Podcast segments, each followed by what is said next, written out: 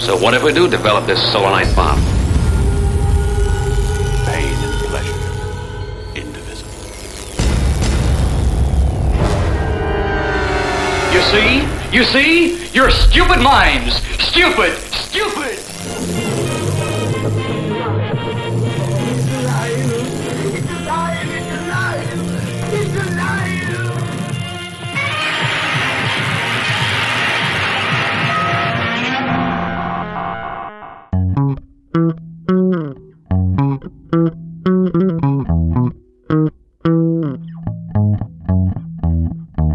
Dobry, dobry wieczór. Z tej strony Rafał Siciński, jest ze mną Dawid Gryza, Dobry wieczór.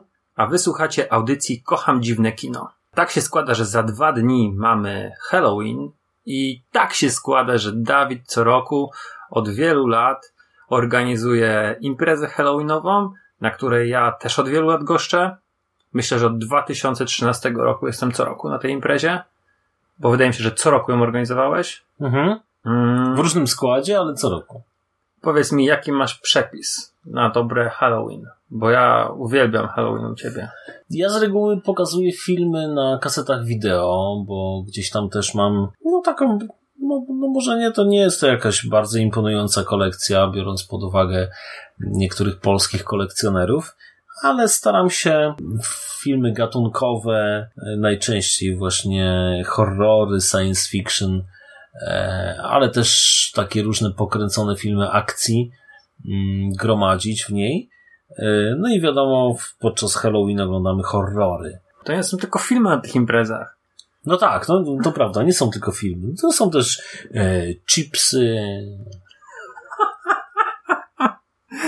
Tak. Nie, no są przebrania. Oczywiście, jeżeli ktoś e, no, ma życzenie, to wiadomo, mile widziane są przebrania, bo przecież Halloween to przede wszystkim są przebieranki, a, a filmy to chyba jest takie, no nie wiem, jakby to powiedzieć, tak? Jeżeli święto Halloween byśmy przyrównali do Bożego Narodzenia, to w Bożym Narodzeniu najważniejsze jest kolacja wigilijna?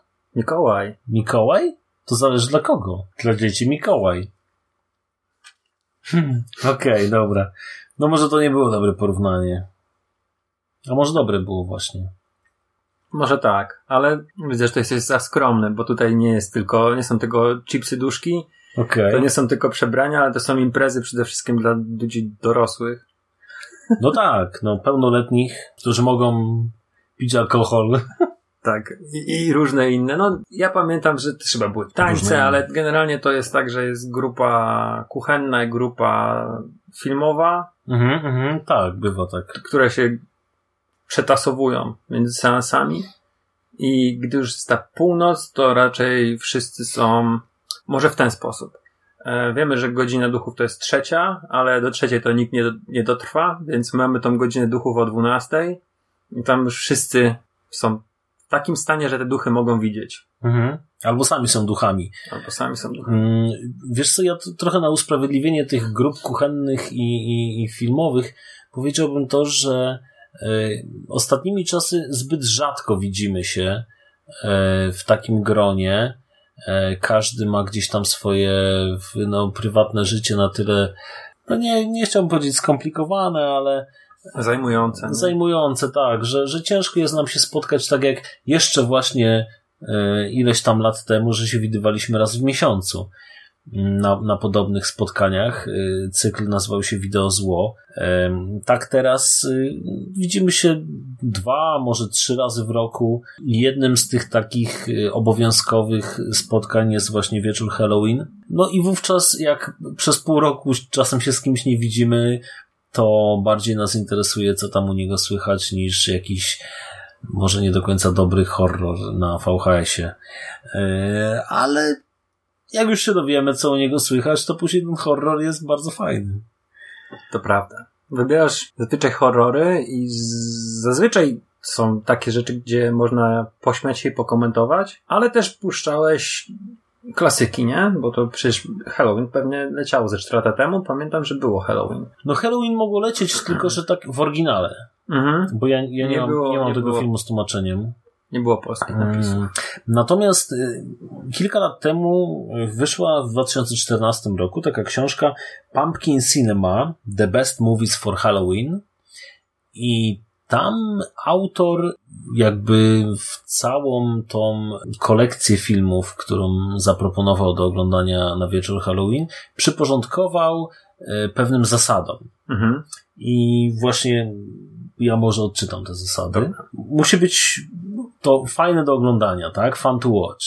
Co, no niestety dyskwalifikuje wiele horrorów, bo no niektóre, znaczy oczywiście, jeżeli ogląda się horrory codziennie, tak? Bez względu na, na święto duchów, yy, czy święto zmarłych, czy święto Mikołaja, to każdy horror jest fun to watch, nie? No bez mała, no bo są takie horrory, które są kiepskie po prostu i, i tam nie ma fanu, nie?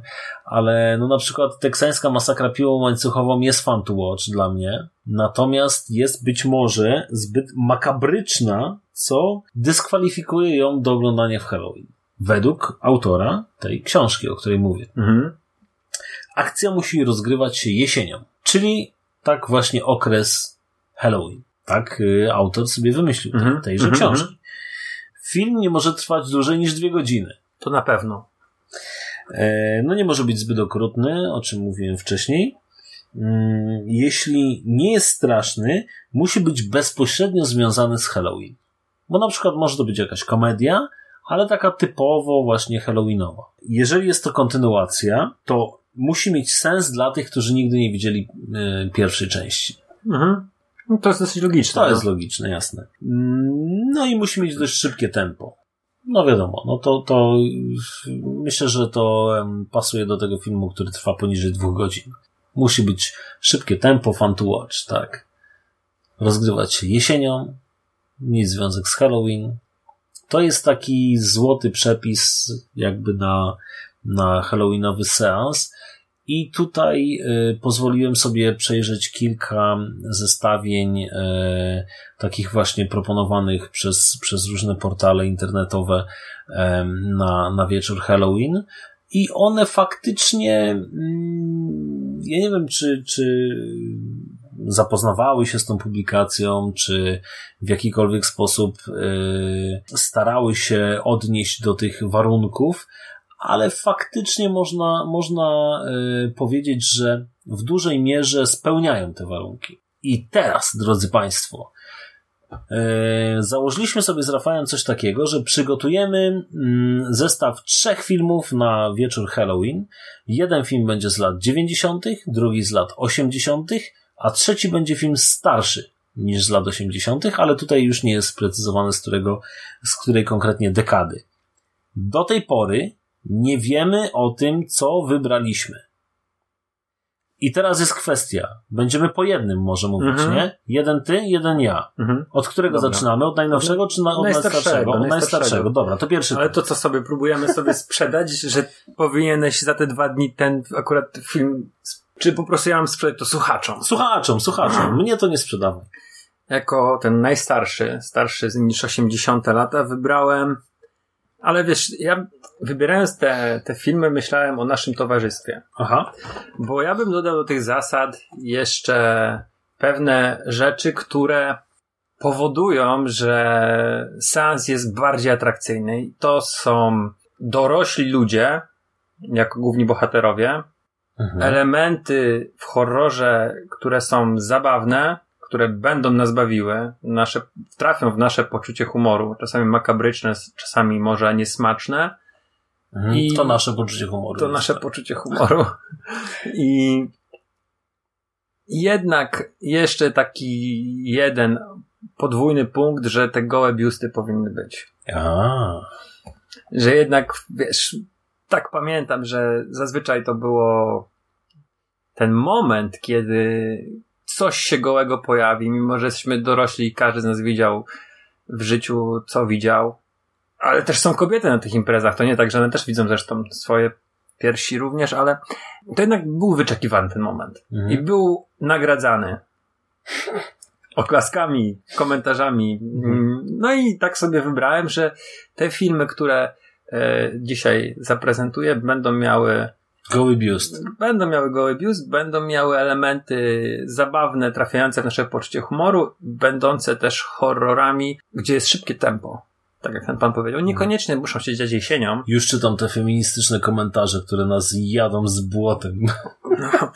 E, jako, jako ten starszy niż lata 80. wybrałem film z Hammera The Legend of Seven Golden Vampires. Czyli po polsku Legenda Siedmiu Złotych Wampirów. Ja nie mam pojęcia, czy to było wydane w Polsce. Nie. Tutaj w roli profesora Van Helsinga, tylko tutaj Lorenza Van Helsinga, występuje Peter Cushing. Partneruje mu Julia Egi, taka pani, która ma dużo, duże wdzięki, ale akurat jej chyba nagiej nie ma w tym filmie. I jest to takie połączenie horroru z filmem Sztuk Walki. Widziałeś go? Nie, nie widziałem, ale chyba wiem o czym mówisz. Więc zaczyna się to w Transylwanii, przybywa do zamku Drakuli mnich, który jest opiekunem krypty siedmiu złotych chińskich wampirów i mówi Drakuli, że potrzebuje jego pomocy, żeby obudzić tę moc. Dracula przejmuje jego ciało, udaje się do Chin i mamy już przebitkę na Chiny, bo ten film był kręcony w Hongkongu. Nawet Transylwania to podejrzewam, że był Hongkong. I te siedem złotych wampirów terroryzuje okoliczne wioski. Akurat tak się składa, że Van Helsing jest na wykładach w Hongkongu. Przybywa do niego siedmiu braci z tej wioski z siostrą i proszą go o pomoc w pokonaniu tego pradawnego zła. Jest to takie połączenie jeszcze po hamerowsku zrobione Siedmiu Wspaniałych Mhm. z Chińczykami. E, Każdy z braci to jest mistrz sztuk walki, walczy albo siekierą, albo dwoma nożami, łukiem, włócznią, więc każdy prezentuje inne, inne wiesz, umiejętności. Rzuca sztyletami. Po drodze syn Val Helsinga gdzieś tam wchodzi w konflikt z, z lokalnym gangsterem. Ci zł- złole ich później ścigają, bo wstaje w obronie bohaterki, którą gra właśnie Julie Iggy, czy Egi. Powiem szczerze, nie sprawdziłem jak się to wymawia, jej nazwisko, ale pisze się E-G-E. Ona jest w ogóle taką bogatą wdówką, która sponsoruje tą wyprawę. No i oni jadą pokonać wampiry, dzieje się tam masa zabawnych rzeczy. Są gołe biusty, bo wampiry mają ofiary z dziewic, e, potrafią wskrzeszać zmarłych, więc są też zombie. E, Jest to film, który przede wszystkim bawi, bo to jest jednak ten Hongkong. Wiesz, tam się, jak widzi się, Mnie już bawi sa, sam powód, że są nagie biusty, bo wampiry y, ofiary z dziewic preferują. Jakby to już jest, jest półnagi. ró- równoznaczne. No, ale- Półnagi, a nie dodałeś. Półnagi, no bo one są tam porozebrane na tych stołach, bo jest siedem wampirów złotych, siedem Nie, po stołów. prostu wiesz, no, 7 dziewic to 7 albo 14 nagich piersi. Nie wszystkie są do końca rozebrane, niektóre są bardziej rozebrane, ale e, wiesz, to jest film, gdzie Christopher Lee e, miał być Drakulą, który dostał scenariusz, powiedział, nie ma chuja, nie zagram Mhm. i Drakulą jest jakiś A inny. Peter Cushing powiedział, a dobry to jest w sumie. No, pojadę sobie do Chin na kilka No. tygodni po, po, po, pozwiedzam. On ma tam, wiesz, taką, już był chyba dosyć sędziwy. 74 rok, no myślę, że mógł mieć z 60. E, dużo scen akcji nie ma, ale jest, e, jest jego konfrontacja z Drakulą na końcu. Ale kung fu?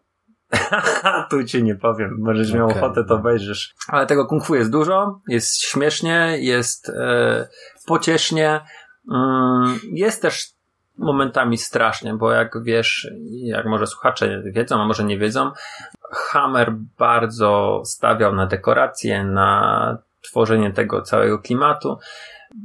Możemy się spodziewać tych sztucznych nietoperzy, Mhm. sztucznych pajęczyn, pięknych malowanych pędzelkami, e, scenografii murów i tak dalej, e, sztucznych kwiatów na kapliczkach. No, no, no, mhm. jest- Czyli Hammer nie zniknął w tym, w tym całym zalewie Hongkongu i sztuk walki. Czuć, czuć też to w kolorach, bo Mhm. Hammer ma tą charakterystyczną paletę barw, te, te jaskrawe czerwienie i to jest. I to była koprodukcja z jakimś hongkongowym studiem Mhm. pewnie. Sean Brothers. Bardzo możliwe. Nie, no żartuję. Pewnie nie. ale- Pro- Czy taki Brusplotation, tak? Trochę.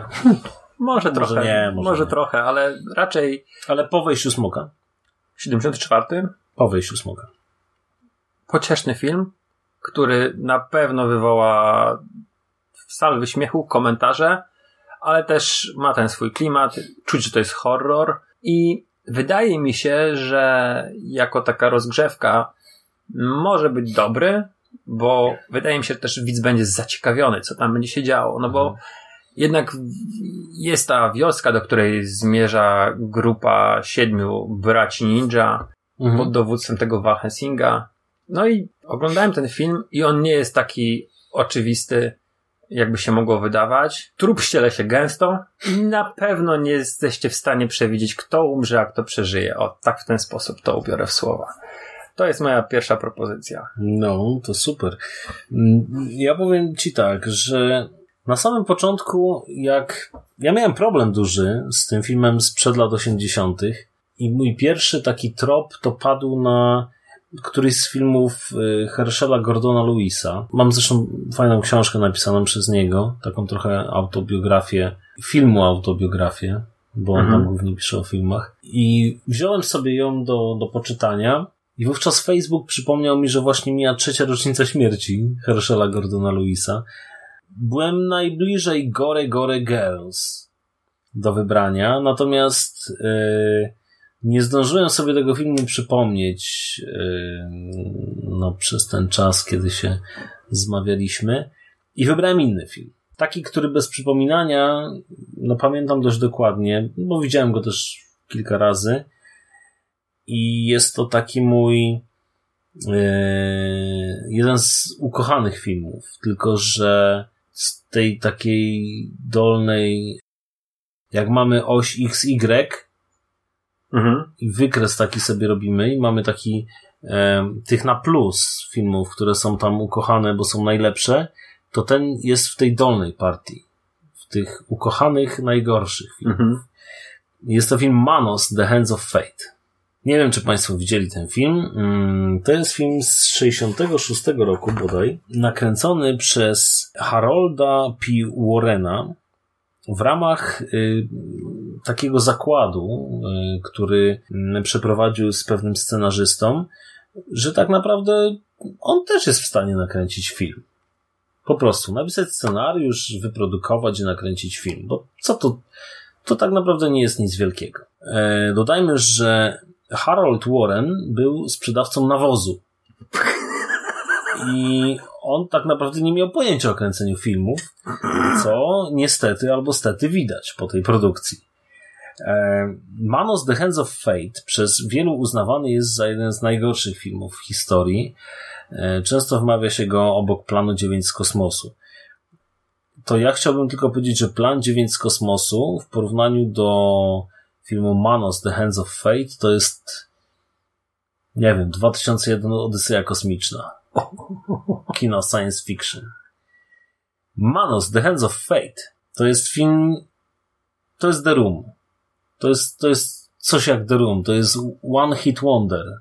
Że po prostu twórca który nie miał pojęcia o kręceniu filmów, wziął się za to, nakręcił to tak, jak to czuł i odcisnął na tym swoje piętno. I to jest takie bardzo specyficzne piętno, bo to jest piętno no, drugiej połowy lat 60.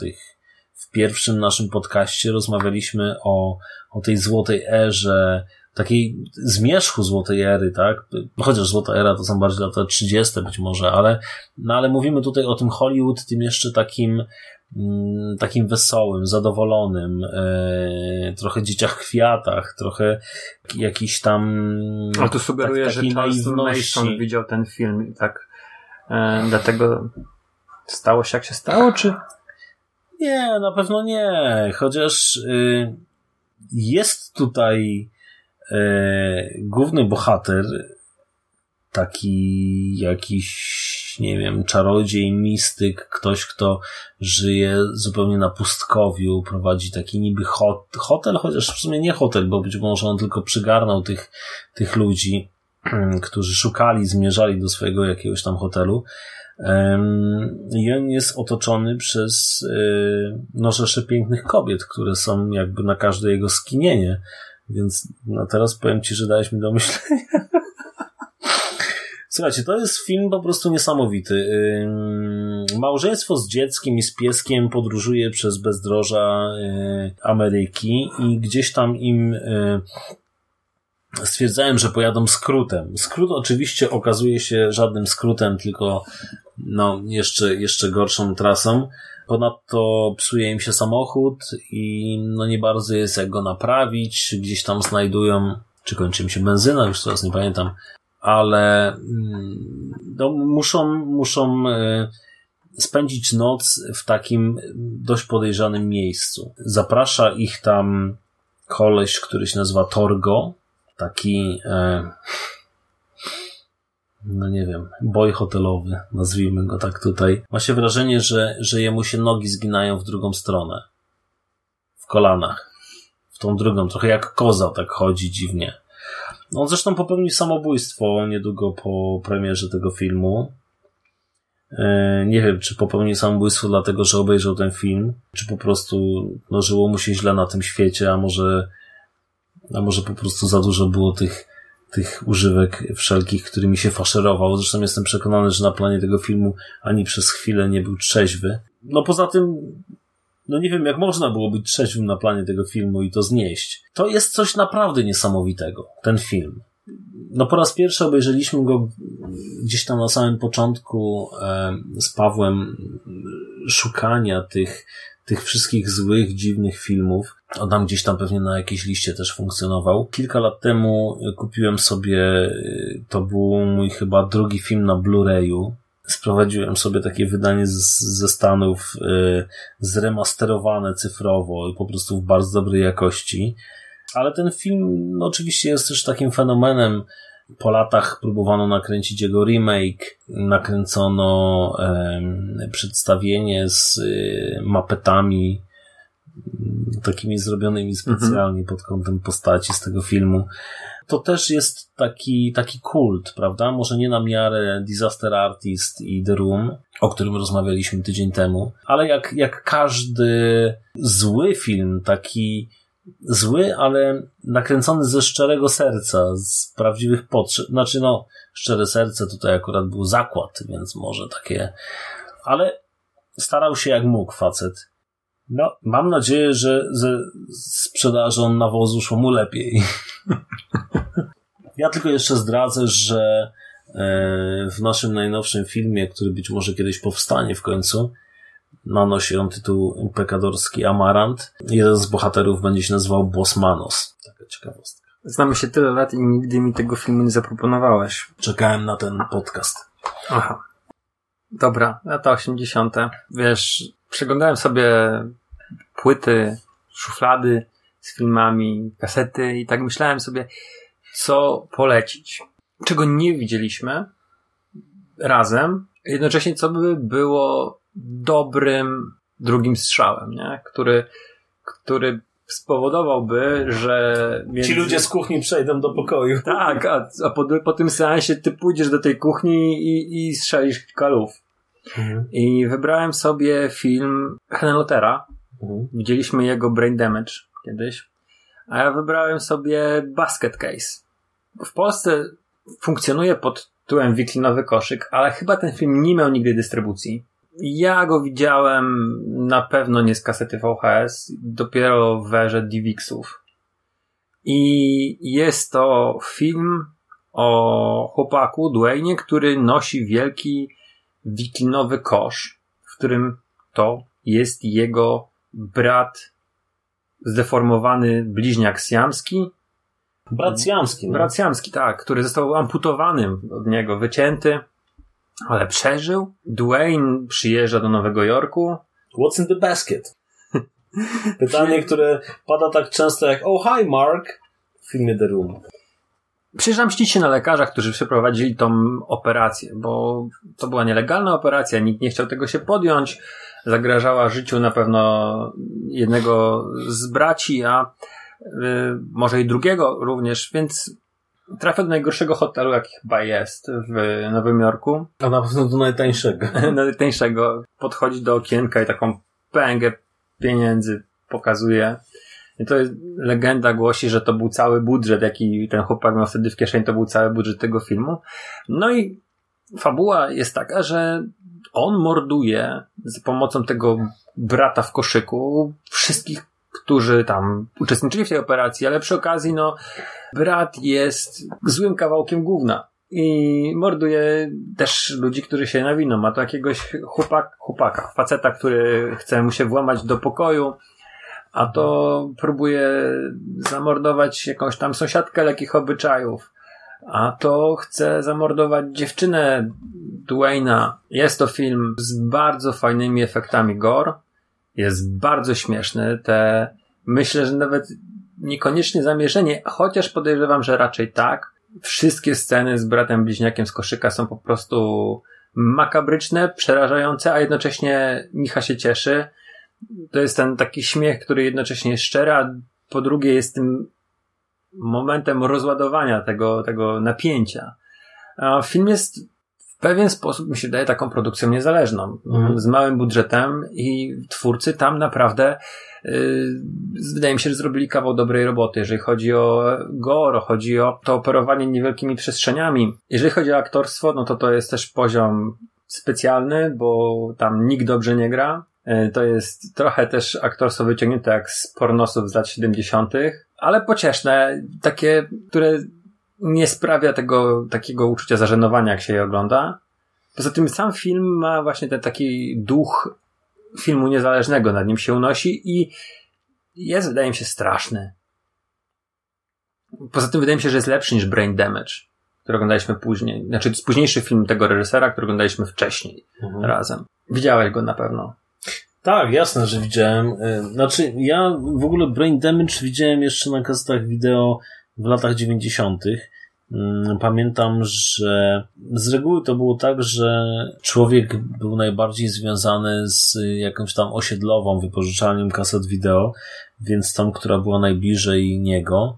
Y, I, I przede wszystkim to przeglądał filmy z tej wypożyczalni, a dopiero później szukał w, w dalej od od miejsca swojego zamieszkania kolejnych wypożyczalni, które oferowały tytuły, mhm. których nie miała tamta wypożyczalnia. Tak trafiłem na Brain Damage, który film obejrzałem, pamiętam, mówiąc sobie, what the fuck, nie? Mówię, kurczę, to mi się podobało, właśnie jakoś podskórnie, nie do końca wiedziałem dlaczego, nie? Jakbym, no wiesz, musiało minąć lata, żebym się oswoił z tego typu kinem, żebym zaczął je drążyć, studiować może nawet wręcz, nie? Takiego słowa nie boję się użyć. I dopiero to doprowadziło, że, że ten film zrozumiałem.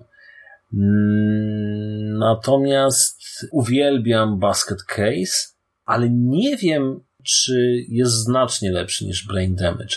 Bo Brain Damage jest takim filmem tak trochę przewrotnie opowiadającym właśnie o nałogu, o, mm, on, on nie jest takim filmem dosłownym, tak? Więc myślę, że jest filmem dojrzalszym w pewnym mhm. sensie. Już takiego reżysera, e, który właśnie pierwsze koty za płoty już ma ze sobą i teraz wziął się za coś troszeczkę poważniejszego, ale jednak dalej pozostającego w takiej estetyce no, weird cinema, tak? Mhm. Bo, bo, no bo tutaj nie mówimy typowo o grozie, tylko to jest, to są dziwactwa, to są tak. jakieś takie no właśnie nietypowe rzeczy. Natomiast przyznaję się bez bicia, że nigdy nie widziałem dwójki i trójki. W trójce są już dzieci brata bliźniaka z no. koszyka. Puściłbyś wiklinowy koszyk? No oczywiście, że puściłbym wiklinowy koszyk. Zresztą tak samo, jak puściłbym poprzedni film, o którym mówiłeś, Siedmiu... Legenda o Siedmiu Złotych Wampirach. Tak, tak. Jeżeli słuchacze nie widzieliście tego filmu, to proponuję przy nim nie jeść. Bo na imprezie u Dawida zawsze są mafinki w kształcie nagrobków, oprócz tych chrupków w kształcie duszków, mhm. jakieś kiełbaski, mumie, no to są, to są jedzenie stylizowane na na potworności, palce wiedźmy i tak dalej, i tak dalej. Planuję zrobić w tym roku e, pierniczki ułożone w kształcie, e, jak są odrysowane zwłoki po różnych tam zabójstwach mm -hmm. i, i, i tych, to mm, widziałem takie foremki i chyba je kupię i sobie takie pierniczki. E, ja miałem, przypomniałem sobie ten film, akurat jeden obiad, to był zły pomysł i musiałem poczekać jednak do wieczora z, e, z seansem, bo gore tam jest naprawdę dziwnie pokazane. To znaczy, to nie jest takie typowe gore jak w horrorach, ono jest takie plastyczne, mięsiste. Poza tym ten brat bliźniak też jest obrzydliwy, więc jeżeli lubicie obrzydliwe filmy, jeżeli lubicie, macie mocne żołądki, lubicie mm, taką fizyczną grozę. Tak jak Dawid powiedział, to nie jest horror w sensu, że duchy, Mhm. y, potwór Frankensteina, wampiry, tylko coś takiego Takie dziwne, to jest dziwne kino. To jest, to jest właśnie... to polecam. Basket Case jest, jest film z 82 roku. Poza tym, jeżeli ktoś lubi Nowy Jork, to może sobie zobaczyć ten, ten Nowy Jork sportretowany przez reżysera. Dwie wieże. Dwie wieże, właśnie miałem to też powiedzieć, że tam są, ale zapomniałem. Jest tam randka na tle dwóch wież. Tak. E, I jest to film nietuzinkowy, na pewno zapadnie wam w pamięć na wiele lat. Świetny, świetny film. Mhm. Ja mam inny. Mhm. Też dobry, no. y, Troszkę spowodował to fakt, że na y, ostatnim festiwalu komiksów y, kupiłem sobie figurkę y, reanimatora i przypomniałem sobie ten film, bo też planowałem inny film, ale y, w związku z tym reanimatorem obejrzałem sobie reanimatora i mówię, kurczę, to też jest dobry film, chociaż oglądaliśmy go. Mhm. Tak, ja, ja mam świadomość tego, że kiedyś go oglądaliśmy, ale tutaj jakby e, jest taka propozycja dla Państwa, żeby sobie ten film obejrzeć. Ja bym go też w Halloween przypomniał sobie. To jest y, ekranizacja e, prozy Lovecrafta. Na motywach. Herbert West, reanimator, tak? To się tak nazywa ale to takie mocne na motywach. Na motywach, tak, jasno. Współcześniona wersja. No, też y, jakby zaplecze całe jest dość interesujące. E, Brian Junza wyprodukował ten film e, wespół z Charlesem Bandem z y, wówczas ze studia Empire Pictures. Na reżysera wybrano Stewarda Gordona, który, którego to chyba był debiut, reżyserski. debiut na pewno. On wcześniej w latach 60. prowadził taki eksperymentalny teatr. Jak to w latach y, 60. miało miejsce dość często w przypadku różnych komun hipisowskich i tak dalej. Y, Wtedy też y, dość często pojawiały się takie eksperymentalne teatry. I on miał też taki teatr i on no właśnie wystawiał tam różne sztuki. E, Jedna była na tyle kontrowersyjna, że został aresztowany po jej prezentacji, bo uznano ją za zbyt obsceniczną. Z tej jego trupy teatralnej wywodzi się m.in. Joe Mantegna. Kojarzysz aktora? Tak, ale pierwsze słyszę, nie znałem, wiesz, oglądałem sporo dokumentów, w których występował Gordon i w żadnym się nawet nie zająknął. Zawsze on występuje jako reżyser, który ekranizuje Lovecrafta, więc Właśnie, to, to są takie jego e, przedreżysersko-filmowe tak, Mhm. e, historie. I on miał, chodziło mu po głowie, żeby wyreżyserować na podstawie e, reanimatora 13-odcinkowy serial telewizyjny. Tylko, że no było mu dość ciężko zebrać pieniądze na to. W ogóle zresztą ktoś mu powiedział, że jeżeli chce zadebiutować jako reżyser, to powinien zacząć od horroru. Bo horror jest to taki gatunek filmowy, który zawsze przynosi profity. Choćbyś nakręcił nie wiadomo jaką szmirę, to ten film i tak zwróci koszty włożone w niego i nawet zarobi pieniądze jakieś. Dlatego on się zdecydował coś takiego nakręcić i on bardzo chciał nakręcić ten film z tą swoją trupą teatralną. Tylko, że jak przedstawił im swój pomysł, to oni się nie zgodzili, bo powiedzieli, że no nie, no oni nie chcą w horrorze grać, nie? No horror był zresztą traktowany wówczas jako taki trochę, no, no gorszy gatunek, tak? Yy, no, chociaż mówimy tutaj już o latach 80., Mhm. to mimo wszystko oni chcieli mm, wystąpić w jakimś takim filmie bardziej artystycznym. Mm, No więc on był zmuszony opuścić tą, tą grupę teatralną, wyjechał do Hollywood i tam z biegiem okoliczności trafił na Briana Junze i wyszło jak wyszło, tak? E, Stanął za sterami e, reanimatora, który okazał się jednak filmem kinowym, tak? Ten jego 13-odcinkowy serial telewizyjny został skondensowany do jednego filmu kinowego. Natomiast tutaj są też takie różne dziwne historie, bo początkowo ten film trwał 2,5 godziny. Później wkroczył Charles Band, który zasugerował pewne zmiany. E, między innymi e, wyrzucił z filmu wątek, e, gdzie Herbert West hipnotyzuje swoje ofiary. Mhm. Mm, bo myślę, że no, pod takim kątem, jakim on tworzył swoje filmy, jest to, jest to dobre podejście. Stwierdził, że jeżeli film jest jakiś, ma, ma jakieś tam nadprzyrodzone w sobie elementy, to najlepiej, żeby on się skupił na tym jednym nadprzyrodzonym elemencie, a w tym przypadku mówimy o wskrzeszaniu umarłych, tak?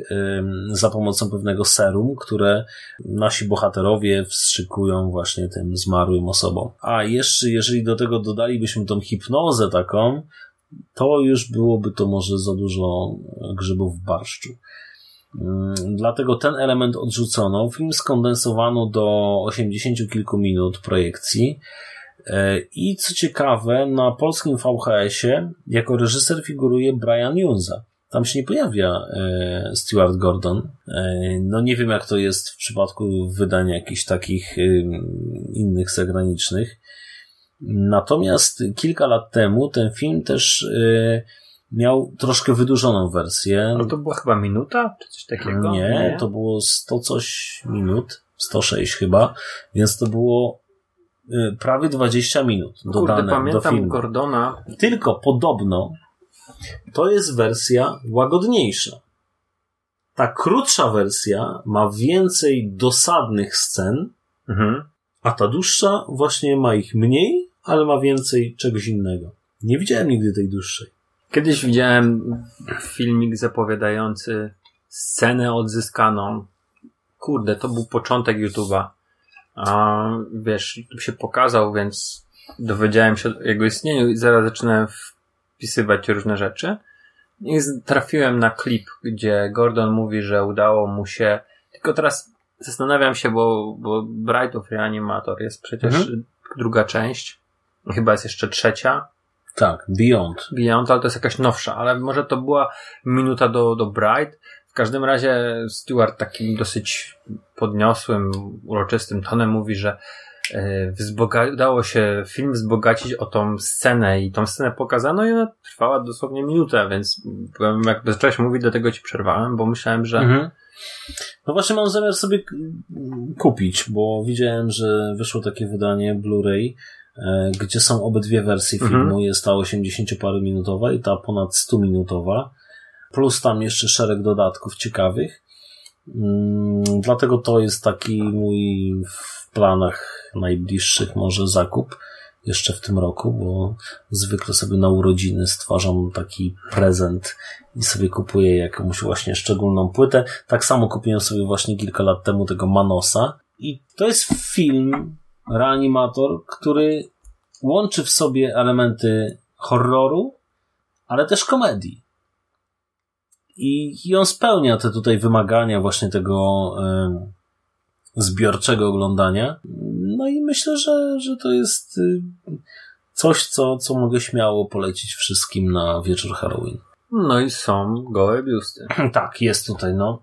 Bo w Basket Case nie wspomniałem, ale jest również scena z gołym biustem. No mówię, że we wszystkich swoich filmach są gołe biusty, A, więc no tak. czekam na trzeci. Trzeci to jest film, o którym ci kiedyś wspominałem. Bardzo w pokrętny sposób na niego trafiłem, bo przypominałem sobie Lunatyków Stephena Kinga, film Mika Garrisa. Tam jedną z ról grała Mädchen Amik. Mhm. Z miasteczka gdzie, Twin Peaks. Tak. Miasteczko Twin Peaks to było tam, gdzie pierwszy raz ją zobaczyłem. Po latach wróciłem do Lunatyków i zaciekawiło mnie, w czym ona jeszcze zagrała. Przeglądając listę trafiłem na, na polskim Filmwebie na film Dłużnik. Film oryginalnie nazywa się The Borrower i na wydaniu e, NVC w VHS-ie, a on funkcjonował jako dłużnik, co generalnie było tłumaczeniem totalnie bez sensu. Druga sprawa, to jest takie naciągane lata 90. u mnie, bo sam film, on powstał w początkowo był szykowany na lata, na premierę 89 rok, ale chyba firma, która miała zająć się jego dystrybucją, przepadła, albo po prostu rzuciła go na półkę i on trafił dopiero w 91 roku miał swoją premierę i Canon był dystrybutorem. Mhm. Co ciekawe, on był chyba również mocno przemontowywany gdzieś po drodze, bo trafiłem na e, jakąś informację, że usunięto pięć mocnych scen, bo ten film w ogóle początkowo miał mieć kategorię tą najwyższą. X. N, no X albo N, NG18 chyba Mhm. teraz jest, ale wtedy mogła być to kategoria X i on musiał być złagadzany do tej erki. To tak tytułem wstępu. E, The Borrower to jest film science fiction horror. Zaczyna się sceną w kosmosie, gdzie widzimy e, obcego, który jest w jakimś białym pomieszczeniu i mówi do człowieka. Ten człowiek jest w ogóle zdezorientowany i on mu tłumaczy, że za twoje przestępstwa, twoje winy zostałeś skazany na deewolucję i ze swojej poprzedniej postaci stałeś się człowiekiem. No i lądują na ziemi, walczą ze sobą, dwóch siurków się w to w całe e, awanturę wplątuje, strzelają do obcego, ten główny zły obcy, co jest w ciele człowieka, traci głowę, gdzieś to wszystko jest, ten początek jest taki mocno za, zagmatwany, trzeba go obejrzeć, żeby dobrze wejść w ten film i przejmuje, musi pożyczać te kolejne ciała, żeby móc funkcjonować w powłoce cielesnej, stąd ta, e, ten tytuł The Borrower, bo pożycza sobie Pożyczać. powłoki. Pożyczać. No, a tych ludzi oczywiście zmorduje. Wygląda to, to pożyczanie jego takie, że po prostu wyrywa komuś głowę, zakłada na to swój, na swój korpus, który, który tej głowy jest pozbawiony I nie wiedzieć, czemu tamta osoba ginie. nie wiadomo. A poza tym zmienia też od razu mu się kolor skóry, bo jeżeli urwie głowę e, latynosowi, no to ma taką ciemniejszą karnację, murzynowi, no to wiadomo, że skóra jest ciemna. Film ma jeszcze drugi wątek. Jeżeli pamiętacie film Komando, to tam była taka stewardesa.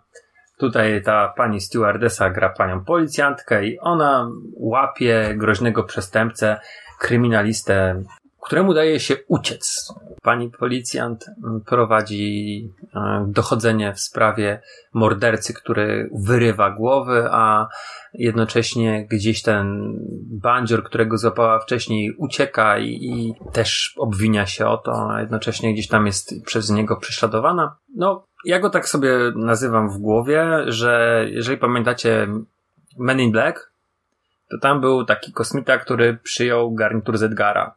Ja mam takie swoje prywatne przemyślenia, że prawdopodobnie scenarzyści Men in Black oglądali pożyczacza, czyli dłużnika, czyli The Borrowera I pożyczyli sobie scenę. i pożyczyli sobie garnitur Edgara właśnie e, stamtąd, bo tak jak Edgar, e, ten jego garnitur z Edgara, tego obcego z Men in Black się rozkłada, to tak się rozkładają właśnie mm, garnitury w dłużniku. Jest to film bardzo brutalny, utrzymany w konwencji science fiction, horroru i komedii. A, ma masę świetnych scen, a Mädchen Emik ma małą scenę, a właściwie może nie scenę, tylko mały wątek.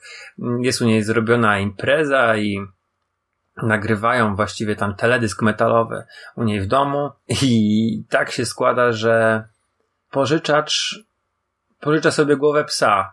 Wbija się na tą imprezę jako pół człowiek, pół pies. Jest to jedna z najbardziej metalowych scen, jaką możecie sobie wyobrazić. Film jest świetny. Jest przede wszystkim bardzo niedoceniany, bardzo słabo znany, a ilość dobrego gore, dobrego humoru, dobrego tempa akcji jest w tym filmie naprawdę wysoka i dla mnie to jest ukoronowanie wieczoru. Gdybyśmy ten film sobie obejrzeli, to podejrzewam, że byłyby wiwaty, brawa, komentarze, wszystko co sobie można wymyśleć podczas seansu horrorów w dobrym towarzystwie. Dawid ma jakąś tutaj anegdotę, Mhm. ja, ja nie wiem co, co, co mam tutaj do powiedzenia, więc oddaję Ci głos. Tak, no y, przede wszystkim ja chciałem powiedzieć, że reżyserem tego filmu jest John McNaughton. A, no tak. Czyli twórca Henry- Henry, The Portret- Serial. Tak, Portret zabójcy. No właśnie. Henry Portret seryjnego mordercy. Genialny film. Po prostu to, to był debiut jego. Mhm. To jest jeden z moich ulubionych filmów. Naprawdę. To jest coś takiego, bo moje ulubione filmy to są takie, które bardzo zdolni młody, młodzi twórcy kręcą na początku swojej kariery i to są takie filmy, które ja potencjalnie też mógłbym nakręcić, bo, bo tam nie ma ani budżetu, ani nie ma jakichś specjalnych frykasów, a te filmy po prostu oddziaływują tak niesamowicie, że ja jestem pełen podziwu. I w filmie Dłużnik jest taka scena, gdzie y, jakiś tam, y, no już tutaj, bo ja widziałem ten film bardzo dawno temu, ale pamiętam to, że jedna z ofiar biegnie i dopada do budki telefonicznej, z której chce zadzwonić, a na tej budce telefo- telefonicznej jest e, ogłoszenie, jest, jest taki e, list gończy w poszukiwaniu właśnie Henry'ego. I nie wiem, czy zwróciłeś na to uwagę. Nie. List gończy, e, który w ogóle wygląda chyba tak samo jak jeden z plakatów do, do tego filmu. Także absolutnie świetny wybór. Ja tak samo jak e, reżysera em, Basket Case i, i, Brain Damage uwielbiam po prostu. Tak e, John McNaughton tutaj e, i Henrym i Dłużnikiem absolutnie skradli moje serce. Później McNaughton no już poszedł bardziej w Hollywood. Pamiętam teraz Dzikie dokładnie. żądze chyba. Dzikie były. żądze, dzikie żądze były jego. No, dzikie żądze też były dobre, ale, ale no tak, absolutnie się z tym zgadzam, że Tam się sporo w ogóle w dłużniku takich znanych twarzy przewija, które były, a nawet czasami są jeszcze obecne. Był przecież ten android z łowcy androidów w roli bezdomnego. Pojawia się ten latynoski aktor, który teraz wgrał księdza w Lalornie, ale istnieje w tym uniwersum obecności. W pierwszej Anabel też był. Zapomniałem, jak się ten aktor nazywa. Taki dziobowatą twarz ma. Nieważne. Mm, Edward James Olmos? Nie, nie, nie, nie, nie, nie. No, Ale- dobra, chyba wiem, że Ale taki łysiejący mm, z brodą. On akurat występuje właśnie w jedynej scenie z biustem w tym filmie, ale poza tym to Grał mordercę w, na, w Nagiej Broni 2, jedno druga? Co tą piosenkę śpiewał taką? Z Pitchillem Presley się tak rozśpiewał. Ona śpiewała pod prysznicem, a on ją przyszedł zabić i kurde, teraz zadajesz mi takie pytanie, Dobra, ja ten film okej. widziałem 15 lat temu i widziałem go raz. który? Z, z, Z- z- na nagą broń. Nagą broń. No i mówię, ten film ma masę humoru, który też często jest taki nieoczywisty. To nie jest humor slapstickowy, to nie jest humor jakiś bardzo czarny, tylko on jest taki chyba zamierzony, ale dla wyrobionego widza, gdzie tam ten obcy chodzi po tym Nowym Jorku, ogląda go.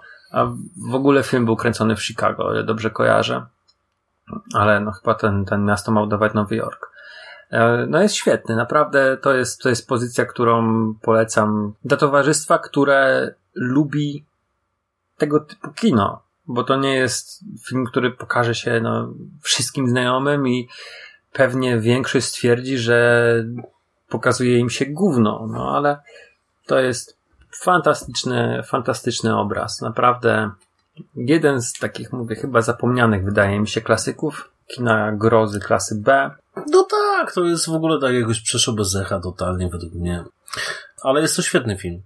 Jest to naprawdę taki film, który pamiętam, że ja, ja nie widziałem go wówczas, kiedy on wyszedł na VHS-ach. Widziałem go wiele lat później. Mm, Bardziej w momencie, kiedy sobie zacząłem e, tą kolekcję VHS-ów e, z powrotem. Chociaż kurczę, być może ja go widziałem nawet, ale go nie doceniłem wówczas. Mhm.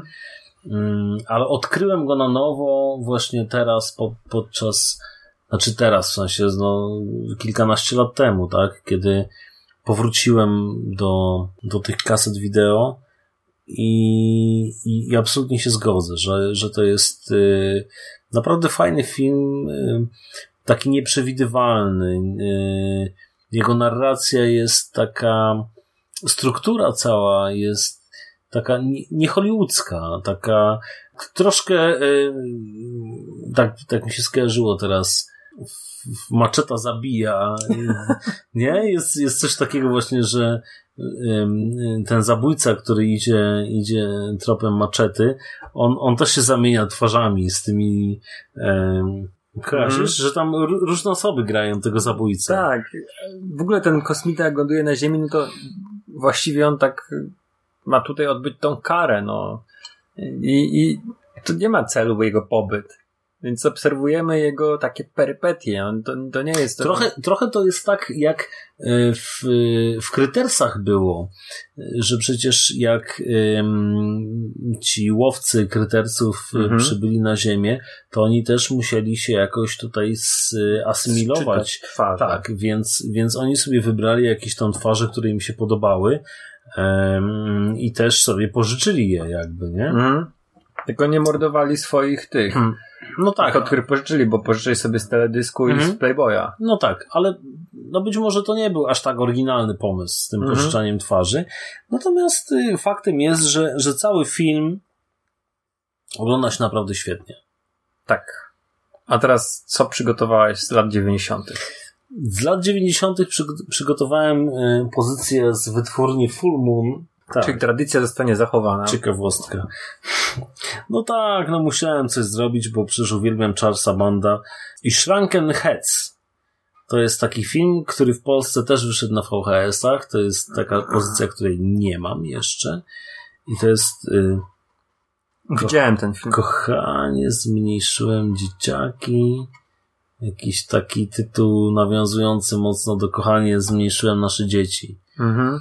Widziałem ten film, kojarzę ten cały mhm. widz ze zmniejszonymi głowami. Trójka nastoletnich bohaterów y, wymarzyła sobie, że, że, że będą strzegli y, okolicy, będą takimi trochę kikesami, takimi super bohaterami tamtych czasów y, i gdzieś tam planują zbić dupę punkom i, i, i podobnym e, subkulturom, które gdzieś tam za, zagrażają dobru lokalnemu, ale gdzieś trafiają na, na jakąś akcję robioną przez, przez prawdziwych przestępców.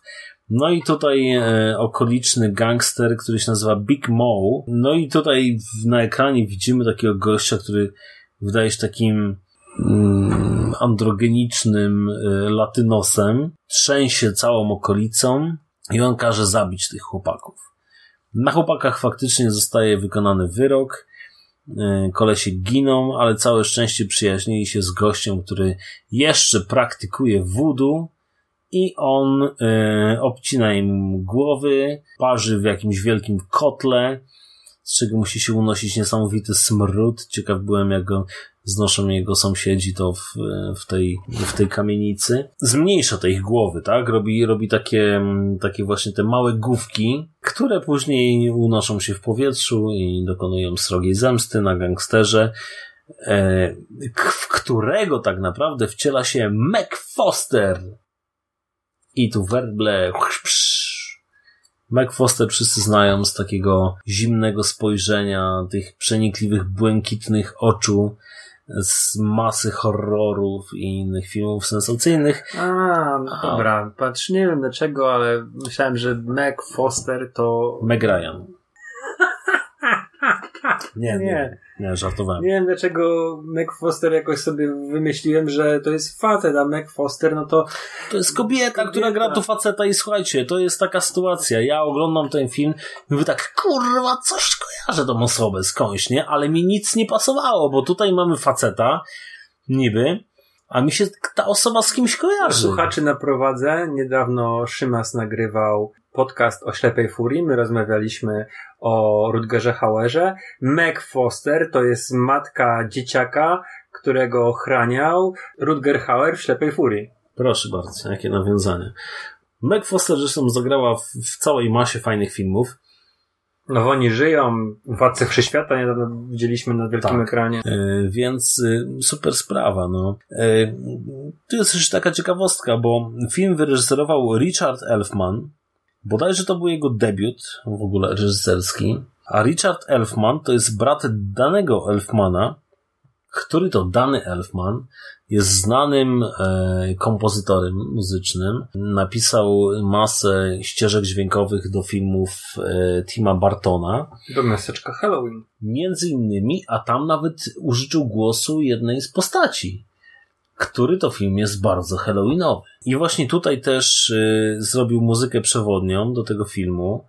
E, fantastyczne są makiety tutaj wykorzystane które, które udają właśnie duże miasto. I to jest, no nie wiem, no według mnie to jest troszeczkę taki niesłusznie zapomniany, pomijany, bardzo fajny klasyk z wytwórni Full Moon. Także jest tutaj dużo zabawy, trochę grozy, ale taki myślę, że z przymrużeniem oka, więc na wieczór Halloween ten film według mnie jest idealny, chociaż być może nie dzieje się w trakcie jesieni, ale naprawdę szczerze go polecam. Więc to jest nasz przepis na dobrą imprezę. No, Też sześć tytułów. Można skorzystać, albo można próbować w komentarzach pod naszymi postami proponować swój trzypak. Chętnie zobaczymy. No co, my za dwa dni się widzimy. Alkoholowe Shangri-La. Yy, przebrania. Mhm. No i może ten dłużnik w końcu może go jednak wyciągnąć, skoro Rafał tutaj tak rzucił wyzwanie, e, bo Basket Case nie mam niestety z tłumaczeniem, a tak, ten film w ogóle nigdy w Polsce nie był wydany. Coś mi się wydaje. No, wiesz co, jakiś czas temu e, w e, łódzkim kinie Bodo podczas Relanium, takiego festiwalu filmów antydepresyjnych, miał być w w nocnej porze, puszczany jako taka dodatkowa atrakcja z lektorem na żywo. Niestety zapowiadany wcześniej lektor nie trafił. No i były próby zrobienia innego lektora na żywo. Natomiast myślę, że to nie były udane próby. Znam tego lektora? No, może tam znasz trochę, tam nie wiem. Ale w każdym razie, no, y, Słyszałem ten film kiedyś z lektorem na żywo. Wiesz co, to był, to był ten sam e, festiwal filmów kultowych, co The Room. I, i tam e, słyszałem ten film z lektorem na żywo, który początkowo też nie był dobrze odebrany. Tylko, że o znaczy, tutaj niczego nie umniejszając, ale publiczność na festiwalu Relanium mm, no jakoś tak, wiesz, no przyjmowała bez, bezkrytycznie te próby lektorskie, które wtedy miały miejsce. E, natomiast y, tam na kultowych to ludzie buczeli momentami, nie? Było mhm. tak, że faktycznie nie pasowało im to, co podawał ten lektor. Ale myślę, że to była też trochę taka trema początkowa, bo on się później e, rozkręcił. Rozkręcił, tak. On rozwinął skrzydła i, i później już ten jego lektorat był, był całkiem fajny. Ja się dobrze bawiłem na tym filmie. No, wiadomo, zna, tak, znałem go wcześniej. Jeszcze w obronie lektorów, to ten film nie ma wybitnie dobrych dialogów na początku. Takie mamrotanie, mymruszenie tego Dwayna jest. Ale wiesz, bo lektor na żywo w tego typu produkcjach nie polega też zawsze na tym, że tłumaczy, wiem, jeden do jednego, ale też trochę podbija, nie? Tak, tak. Możesz, możesz tam dodać coś od siebie. Możesz stworzyć zupełnie inny film. I tutaj już e, no, reszta pozostaje w gestii e, lektora. Na ile on potrafi, a na ile nie. Na ile właśnie częstuje ludzi sucharami, a na ile konkretnym mięsem. Także no, nie do końca się to udało. Natomiast yy, to tylko tak mówię w, w gestii przypomnienia, jakby nikomu nie, nie wypominając niczego. No i co? Żegnamy się z Państwem i zalecamy słuchania nas y, tuż po Halloween, a powrócimy sami jeszcze nie wiemy z czym. We wtorek o godzinie 10. Tak jest. Miłego straszenia. Do usłyszenia. Cześć.